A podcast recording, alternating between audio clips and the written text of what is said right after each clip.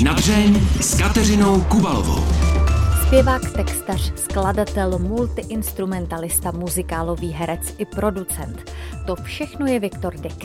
Během své kariéry působil v mnoha kapelách, je podepsán pod desítkami songů a už léta je nedílnou součástí souboru rock opera.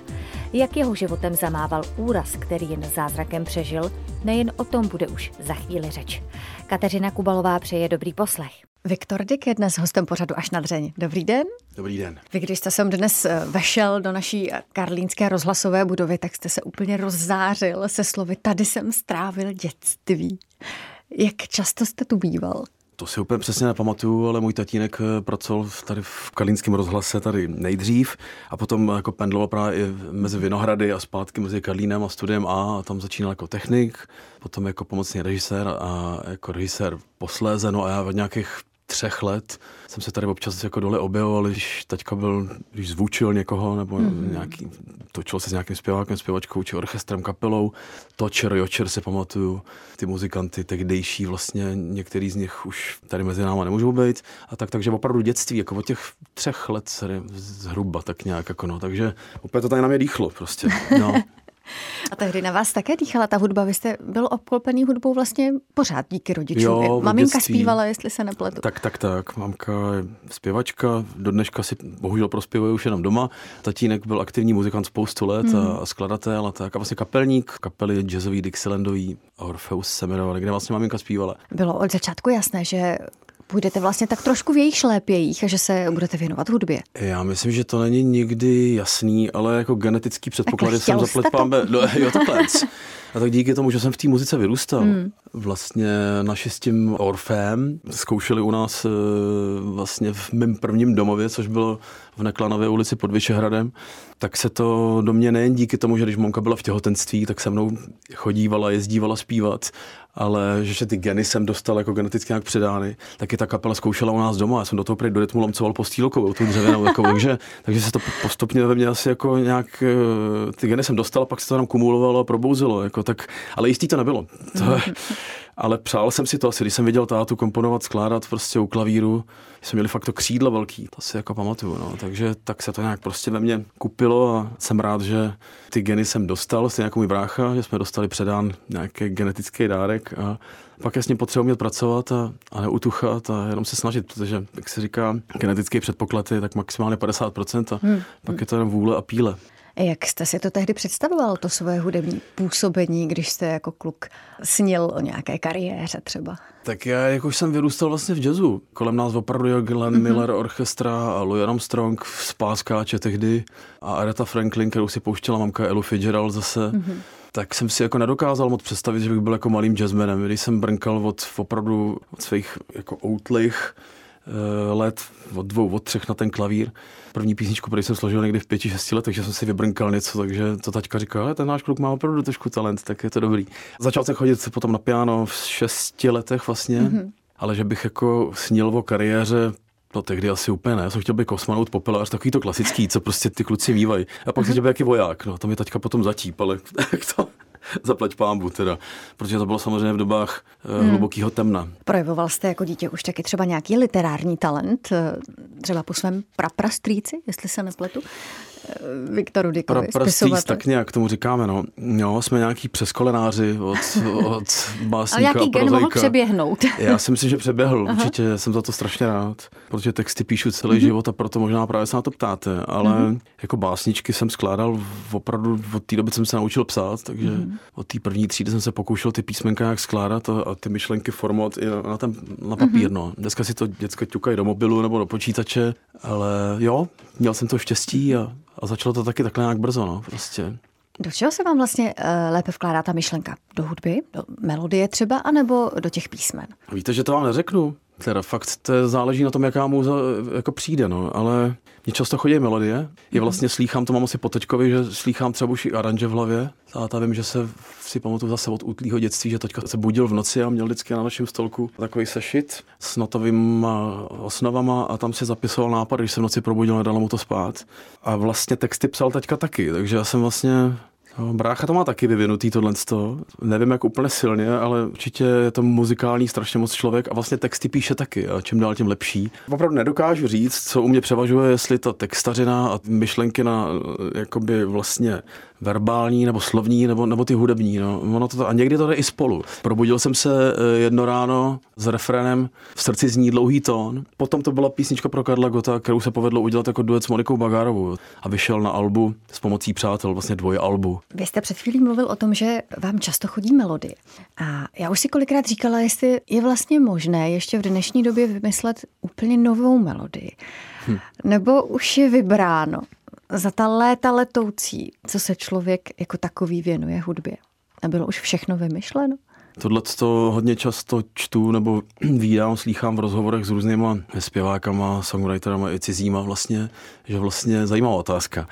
Je to otázka frázování, melodického postupu vlastně a tak bylo, nebylo vymyšleno. Vymyslet něco originálního samozřejmě vždycky těžký a člověk je hlavně ovlivněný vždycky něčím muzikou, kterou poslouchal hmm. třeba právě celý život nebo zrovna v tu chvíli a jako umělci, který píšou písničky, tak eh, vlastně jsme takový houby, že, který nasáváme hmm. to prostředí a ono to potom někde jako vyleze a jestli to vyleze ve formě, která je naprosto originální, to je vždycky jako ošemetný. No. Ale dneska už fungují aplikace, kde si vlastně člověk může zkontrolovat, jestli to není něčemu podobný. Jako, to je trošku aby vtip, ale, aby se neopakoval, aby někdo aby někoho náhodou nevykradl, mm, jako, no, nebo tak. Ale je spousta písní a vlastně i harmonicky, i melodicky, jako podobných, to je jako pravda. No.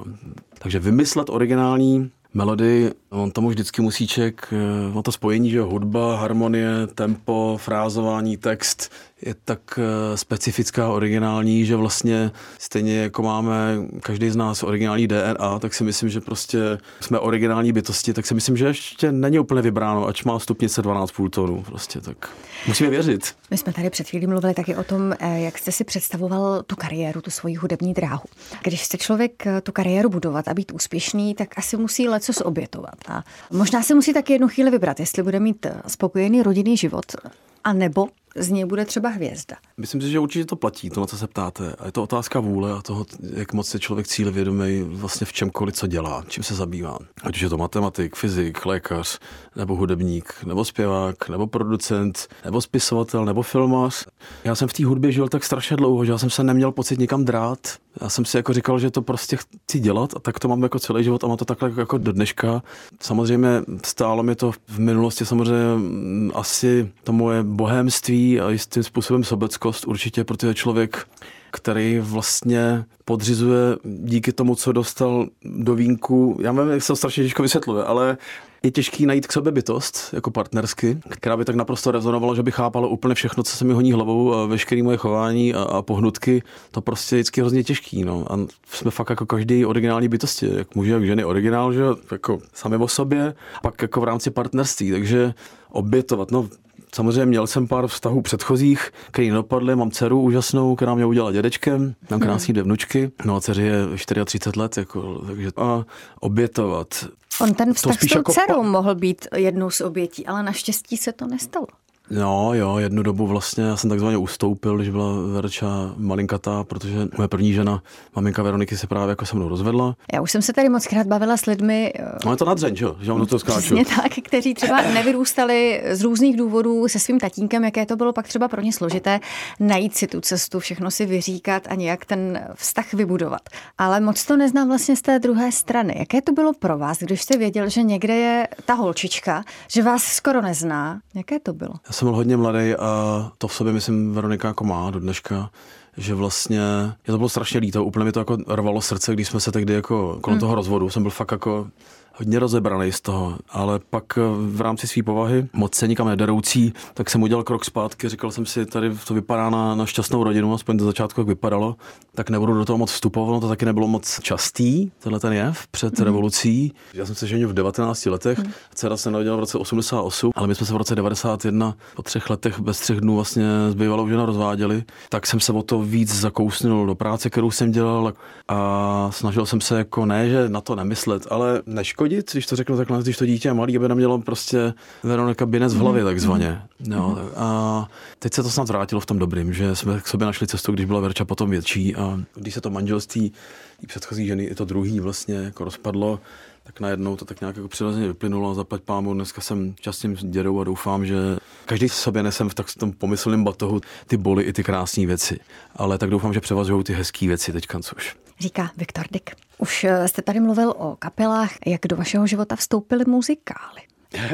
Bylo těžké rozhodnout se, jestli do nich půjdete? Já jsem člověk, který si dlouho jako nevěří a pochybu vlastně pořád. Když něco napíšu, jaký text nebo písničku udělám, mm-hmm. a že už jich mám u ochranného svazu autorského OSA 775 titulů, což je docela dost. A jsou to vlastně jak skladby, tak texty. Jo. No a já mám vždycky pocit, že je to jako poslední věc, kterou napíšu. Pravdu. To není, že bych si nevěřil. Říkám, ty muzi třeba někam odletěli, už se nikdy nevrátí. To je prostě jako, fakt je to otázka nějaký inspirace toho, jak je člověk otevřený tím muza. A je to taky otázka nějakých zkušeností samozřejmě, na základě kterých vlastně s těma muzama taky dokáže pracovat. Ono to vůbec zní jako pro některý posluchače dost virtuálně, ale nevím, jak to popsat líp prostě. No. Takže jsem si nevěřil ani vlastně v tom, že mi mamka od malička říkala, jsi takový herec, prostě ty někde jednou bys měl hrát to já úplně je, nevlázi, to asi nebude úplně pro mě. Pak jsem vlastně textoval pro Kamila Střihavku něco, konkrétně teda texty na desku Voodoo jeho, to se psal nějaký rok 2001-2 a Kamil říká, hele, nechtěl by si zahrát jako Lancelota v Excalibru, mě napadl takový téma, Michal Pavlíček věděl hudbu. Já říkám, hele, Kamile, já si moc jako nevěřím, nejsem herec. On říká, no to je v pohodě. Tam by měl být Tomáš Hajíček z kapely Krucipisk a různý jako další lidi a Lucka Víla by tam měla zpívat jako Ginevru, tu královnu a tak a já bych si zahrál Artuše. Nechceš to zkusit? A já říkám, hele, já neprodu konkurs. A on říká, ne, to jako konkurs by se tě možná ani netýkal, tam fakt budeme všichni kovaný spíš rockeři než herci a Vladimír Morálek by myslím stál o takový typ, jako seš ty. No a od roku 2003 jsem zkrátka dobře fungoval v ta fantastice, kde se muzikál Excalibur hrával pod držením vedením eh, pana Morávka, no bylo to úplně úžasný období. No. Jaké to bylo stupnout si eh, na to pódium před lidi, ne s tou kapelou za zády, ale v roli? No tak tomu předcházelo dlouhý dvou až tříměsíční zkoušení, že? Hmm. Tak tam jsme se jako oťukali. Aha. A přece jenom to publikum, to je No je ještě to jináč, vyšší level. hlavně sedící publikum. Hmm. Na rokových koncertech ty lidi stojí a hejbou se do rytmu, ale vlastně fakt je to divadelní představení s hudbou, jako Aha. ten muzikál. To je prostě Rotomáček eh, vytváří nějaký taneční kreace, které jsou připravené na základě nějakých choreografií a na zkoušený, což já jsem nikdy nebyl dobrý tanečník, tak pro mě to bylo utrpení, ale tak tam se víc šermovalo, než by tam byly nějaký choreografie. Když si uvědomíte, jak jsme herci zpěváci dost empatický lidi většinou, tak si jako říkáte, ty lidi vlastně pozorují jenom těma očima, vlastně se ani u toho nemůžou hýbat, i když to byl rokový muzikál Excalibur, to bych chtěl podotknout, a byl skvělý, protože Michal Pavlíček je prostě tak genius, mistr citlivých tónů a tak prostě, takže to bylo úplně prostě prostě úžasný. Nicméně, tomu, že, tomu, že tomu předcházely tři měsíce zkoušení, že jsme tam s panem režisérem Vladimírem Morávkem strávili fakt tři měsíce a on z nás, nekovaných herců, musel udělat vlastně ensemble, vyrobit, otevřít v nás nějaký skrytý talenty, že ten Excalibur potom fungoval a navíc my jsme se tam potom pohybovali v brněních a s mečema a takhle, že to bylo ještě o to nekomfortnější. Ale Excalibur byl prostě krásný, no. Byl krásný publikum, zvykli jsme si na to prostě. Byla to pro mě úplně jiná zkušenost, než na kterou jsem byl do té doby zvyklý, ale nebyl jsem v tom sám. Va- Vašek Barta, no, tam začínal taky jako, nepřišel jako úplný elef z Mladý Boleslavy. Sešla se nás tam velká spousta zpěváků, muzikantů, herců, Hinek Čermák, toho jsem tam poprvé zažil mhm. herce úžasného. Těch lidí tam fakt byla obrovská spousta. No. Nebál jste se, že ztratíte trošku kredit jako rocker? A muzikant hmm. s kapelou, když najednou budete v muzikálu? Toho jsem se bál, když eh, jsem byl v 90. letech, mi říká Dan Barta, hele pojď, že my jsme jezdili společně s kapelou, měl hmm. Alici a jsme měli Dorota BB a jezdili jsme společný turné a společný koncerty a hodně jsme se s Danem tehdy přátelili. Tam mi říká, hele, dělá se tady Jesus Sky Superstar, připravuje, pojď do toho, tam vlastně role Piláta, myslím, že pro to by byla úplně jak stvořená. Já říkám, vůbec na to nemám. To, to, co jsem říkal Kamilovi tehdy po těch deseti letech vlastně skoro, osmi letech, co mi říkal, pojď zkusit Excalibur.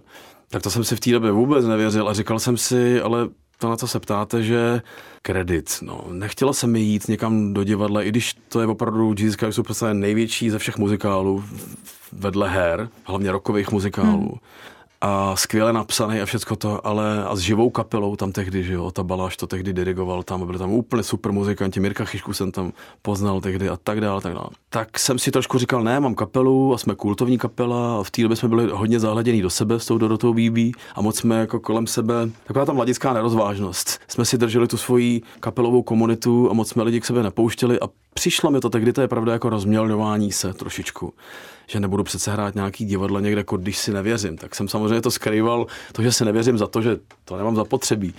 Jo, ale potom jsem byl rád, že jsem přijel tu nabídku od Kamila, to účinkování v Excalibru. Páč mi to otevřelo vlastně ten herecký talent, o kterým mi říkala maminka, že cítí od malička, že bych to v sobě mohl mít. A díky tomu jsem od roku 2006 potom v Rokopeře Praha. Jo. Tam vlastně toho využívám úplně naplno a byl jsem kousíček před nominací Natálie, jo, tam za jednu roli, což vlastně jako asi nějaký talent snad jsem zdědil, jak jsem za to hrozně rád s úctou a pokorou, protože ale nevěřil jsem si, zase jako ve spoustě dalších a jiných věcí prostě. No. My to naše povídání mm-hmm. s chodou okolností natáčíme 7. února, což mm-hmm. není jen den, kdy slaví svátek vaše dcera, ale je to taky den, kdy vy jste se vlastně po druhé narodil. Je to tak. Co se před těmi, už je to šesti Pět. roky? Pěti. Co se před těmi, pět let. Pě, my máme pět let. Co se před těmi pěti roky vlastně stalo? Když to úplně zkrátím, tak eh, měl jsem nějaký fakt 14 anestezi u zubaře, který ordinoval od půl devátý jsem tam byl objednaný, tak si pamatuju do desíti večer, že mi udělal dva zuby a jak jsem jako citlivka, tak na ty věci, že ty, mm. já někdo má rád zubaře, asi moc lidí ne, ale, a že tohle, jak jsem říkal, jednu, druhou, třetí, čtvrtou anestezi a únava, tehdy jsem byl fakt ve velkém zápřehu, jsem úplně minimálně spal. Hodně jsem skládal a žil jsem ten noční život, hodně vlastně. No, pak stačily nějaký čtyři malý pivka a jeden panáček na to a dopadlo to tak na zblbě, no, vlastně, že jsem vlastně přepadl u nás do mě běžíc z druhého patra do přízemí přes zábradlí, nízký zábradlí, pač je to starý dům z konce 19. století. A nešťastná nehoda zároveň náhoda, no. To prostě jsem rád, že tady jsem a bylo to pro mě teda hodně velký rozsvícení a hodně mi to jako předsvakalo, to, co byly ty kostičky, který člověk má v sobě rozházený, tak eh, v rámci nějaký nestálosti a člověk si myslí, že je nesmrtelný, tak najednou to docvaklo, doslova jako, jak se říká, chytrýmu napověz hloupý a trkni a tak já jsem prostě musel s rozběhem spadnout prostě z, z nějakých sedmi metrů prostě na hlavu a, a tady mi bylo vlastně obrovská jizva, kde jsem měl 35 hmm. stehů. Takže, a stalo se to v ten den, dneska fakt mám jako pátý narozeniny, já jsem hmm. rád, že tady můžu být. I když jsem si tehdy říkal, mám za sebou koncert s pražským výběrem v O2 aréně, napsal jsem písničku Karlu Gotovi a hrál jsem v Excalibru a vlastně v Rock Opera vlastně co si člověk může jako přát tady v těch našich končinách, že vlastně teď už můžu klidně umřít. Co jsem si tak jako v duchu říkal, když jsem měl s sebou tu O2 arenu vlastně s tím výběrem, což je pro mě obrovská, pražský výběr prostě hmm. pro mě obrovská modla od mýho dětství, od nějakých 9-10 let. A vzpomínám si, že tatínek mi přines tajnou nahrávku právě na kazetě, tehdy odsud z Karlínského rádia, kde vlastně ve větrníku na hvězdě, což byl pořad, byl nějaký úryvek vlastně z toho alba, který potom dlouho nevyšlo, protože kapelo Pražský výběr po tom, co se objevilo v hitšarádě v klubu mladých na československé televizi tehdy, tak je vlastně zakázali nějak jako vlastně pro nevhodnost, což se za komunistů dělo, to je jako pro, mla, pro mladší vlastně nepamětníky. No a tak jsem si říkal, že už mám zase sebou všecko, tak jsem se tak rouhal jsem se dost, no, tak to dopadlo tak, jak to dopadlo, ale za plepámu jsem dostal ještě nějakou šanci. No. Co se vám honilo hlavou, když jste ležel v té nemocnici? Měl jste sešitou hlavu a teď jste nevěděl, co bude. No, to si pamatuju taky dost přesně. První, co bylo, že tam nechci jako dlouho pobejt, že mám práci, že musím jako do rokopery a že mi čeká hmm. spousta věcí a takový to, že už se chci zvednout a skoro mi tahali z těch hadiček, abych se jako lehnul, abych se uklidnil. Tak jsem se musel opravdu uklidnit. Já jsem byl dost jako hyperaktivní a tak jsem se trošičku sklidnil. Ale zase díky tomu všemu, co se stalo, tak jsem poznal, že úplně nejsem k zahození, jsem docela vodolý organismus a mentálně nastavený, takže když se jako řeknu, že se zabejčím, tak pan doktor Robert Leško, který mi šil tu hlavu, mm, mm, mm. který vlastně zachránil život, tak eh, ten mi potom říkal, že tam bylo nějaký tý kontrole na neurochirurgii v Motole, kam mě odvezli od nás z toho domu ze Smíchova tak eh, mi říkali, že jsem byl na té kontrole později, se tam docházelo asi tři, čtyři další hmm. měsíce, se to všechno v pořádku, co se ústá v pořádku a tak. Říkal, no vy jste tady jako ležel 15 dnů, ale s vaším s rozsahem zraní jsme vůbec jako nevěděli, jestli tady budete. A když jsme jako věděli, že tady asi zůstanete, že dobrý, se to všechno jako jsme to ustálili, že se nám to povedlo vás jako zachránit a že jste odolný, takže si tady třeba poležíte měsíc a ne 15 dnů. No ale já jsem opravdu tam nechtěl moc dlouho být, tak jsem jako nějak zapnul prostě ten motor, to turbo. Vnitřně jsem se dostal nějakého toho bojového modu, jak to říkám, a to člověk prostě zabere, i když už nemůže, je unavený, tak ví, že má nějaký cíl, tak prostě jako jde. Mm-hmm. To známe asi všichni, kdo se prostě pro něco natchne a prostě zapnul jsem turbo v rámci své vnitřní síly a regeneračního prostě procesu celého organismu, ale je to samozřejmě o hlavě celý. Tak jsem rád, že se to takhle celý vlastně povedlo a vím, že to turbo mám a že to docela funguje. Říká Viktor Dick. Ta jizva vám pochopitelně asi nikdy nezmizí. A jinak jste se dal dokupy po těch pěti letech? Já jsem měl opravdu jednu dobu strach, že co jsem ještě honilo právě hlavou, jsem si projížděl eh, texty hmm. písniček z naší kapely od Wow, texty z Rokopery, jestli jako mi funguje dlouhodobá paměť. Hmm. Tě se mi samozřejmě to si vybavuju, se mi ptali, jestli jsem se probral po té narkoze, po tom šití, jestli si pamatuju jméno a kolik mi je hmm. a takhle. Ale vidíte to, já jsem na to fakt dlouho namyslel, až teď se mi to vlastně vybavilo, že jako dobře se ptáte. No, je přesně to je ono, že takovýhle rozhovor a člověk jich moc jako, moc jako nedělá za život a pak záleží na tom, s kým se člověk baví, kdo se jak na co ptá a jak moc je to nadřeň. Že já o tom jako nepřemýšlím, ne, nevytahuju si ty vzpomínky jako z minula, hmm. ono kolikrát není o co stát. Jo. A spíš se snažím žít přítomností a v daný moment jsme tady na základě složený z nějakých zkušeností a prožitků, které v sobě máme a s tím se snažíme pracovat tady teď, aby člověk byl, dejme tomu nějak jako do budoucna. Ale dobrý, že jste mi to jako vlastně otevřeli, si vybavou tyhle ty věci, že jsem si nahazoval texty a že se mi ptali fakt na to jméno. Že to mi fakt docvaklo až teď tady, teďka s vámi, se ptáte. Nesmí brát člověk ten život úplně strašně moc vážně, i když tohle je vážná věc, co se stalo. A já si vážně uvědomuji, že jsem rád, že tady můžu být. Až to možná navenek tak nevypadá, spousta věcí zlehčů, moje žena mi to furt vytýká, že se moje současná přítelkyně, jsem už šťastně zamilovaný přes dva roky a jsem za to hrozně rád, že mám ženu, která mi vlastně ukázala ten život zase z jiné strany a, a v ní, snažím se vnímat ho její optikou prostě a jí zase přinést něco ze sebe, jako funguje, nám to myslím docela dobře.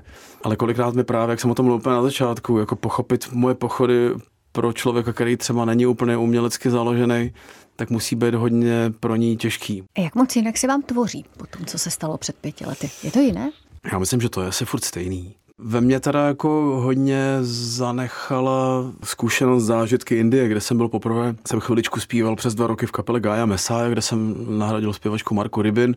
Točili jsme tam nějaký klip, pokoušeli se tvořit, no a jeli jsme prostě do Tamil Nádu na jich Indie. Tam je vyhaslá sopka, což je ale zároveň posvátný místo pro všechny hinduisty. Kolem ní se každý měsíc za úplňku, prostě 12 do roka, se obchází ta Arunachala, co by posvátná cesta mm-hmm. Girivalam. A věří tomu, že když minimálně jednou tuto tu cestu Gidevalam absolvují, tak dojdou v absolutního naplnění v rámci stávající inkarnace prostě v tomhle mhm, tělem. Mm-hmm. Jo.